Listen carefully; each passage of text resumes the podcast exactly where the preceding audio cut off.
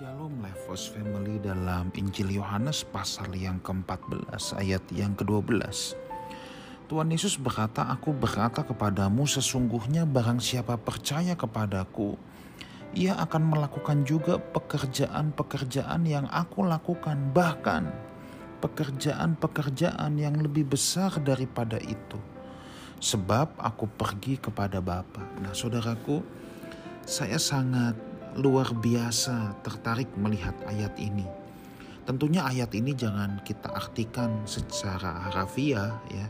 Oh kalau Tuhan Yesus mencelikan mata orang buta dengan ludah lalu kita berpikir kita mencelikan dengan yang lain gitu ya dengan ludah juga atau lebih ekstrem daripada itu. Tentunya bukan itu ya.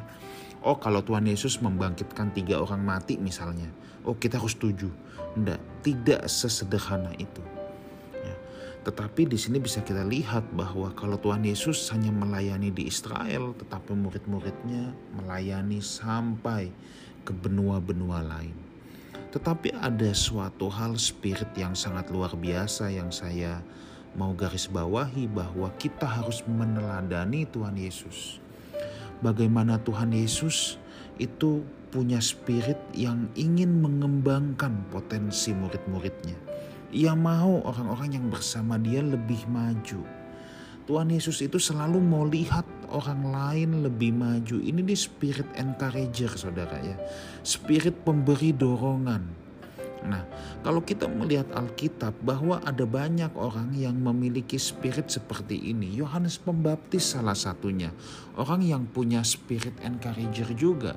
Ya, ketika dia melihat murid-muridnya mulai mengikuti Tuhan Yesus, Lalu murid-murid yang masih sama Yohanes bilang, Guru bukankah dia orang yang kau baptis?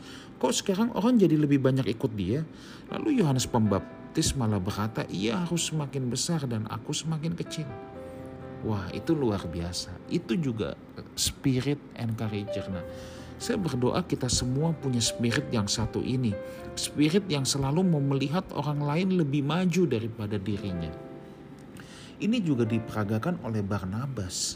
Barnabas adalah bapak rohani dari Paulus, saudara. Kalau saudara melihat kisah para rasul ya, Barnabas itu orang yang penuh kasih karunia dan dia menerima Paulus, saudara. Ya.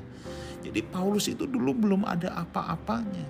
Nah, tetapi setelah dalam pelayanan Saulus atau Paulus itu jauh lebih populer daripada Barnabas. Nah, untuk seorang encourager seperti Barnabas, nggak masalah dia nomor berapa, nggak masalah dia lebih terkenal atau tidak. Sebab yang jadi masalah buat dia, yang paling penting buat seorang encourager adalah kemuliaan kehendak Tuhan terjadi. Dan orang lain bisa maju. Nah, lawan dari spirit encourager adalah spirit Herodes kita ingat kisah Natal, bagaimana ketika bayi Yesus lahir.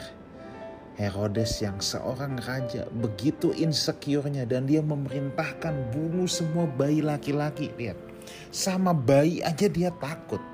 Nah inilah opositnya dari spirit encourager. Uh, spirit yang insecure. Ada rasa yang tidak aman di sana. Nah saudaraku, saya berdoa kita semua harus menjadi encourager. Kita harus senang melihat orang lain dipakai oleh Tuhan. Kita harus senang melihat orang lain bahkan lebih dipakai daripada kita. It's okay, yang penting kemuliaan kehendak Tuhan terjadi. Dan kita harus tulus, harus bersuka cita kalau melihat saudara kita, teman kita lebih maju daripada kita dalam bidang apa pun jadilah encourager-encourager, jadilah pemberi dorongan. Apalagi kalau saudara sebagai pemimpin ya dalam organisasi tertentu harus kita menjadi encourager. Kita harus senang kalau melihat orang-orang yang di bawah kita itu maju. Jangan menjadi seperti Herodes justru merasa terancam saudara. Ya. Saya belajar akan hal ini. Saya punya ayah rohani Pastor Jonathan Patiasina saya betul-betul melihat dia seorang yang punya spirit encourager. Dia sangat senang melihat anak-anak rohaninya maju. dan selalu memberikan kesempatan untuk anak-anak rohaninya maju. Bahkan dia tidak ragu untuk duduk, mendengar, belajar dari anak-anak rohaninya. Saya berdoa kita semua menjadi orang-orang pemberi dorongan, di encourager, yang senang melihat orang lain maju. Yang penting kemuliaan kehendak Tuhan terjadi. Amin. Tuhan Yesus menyertai kita semua.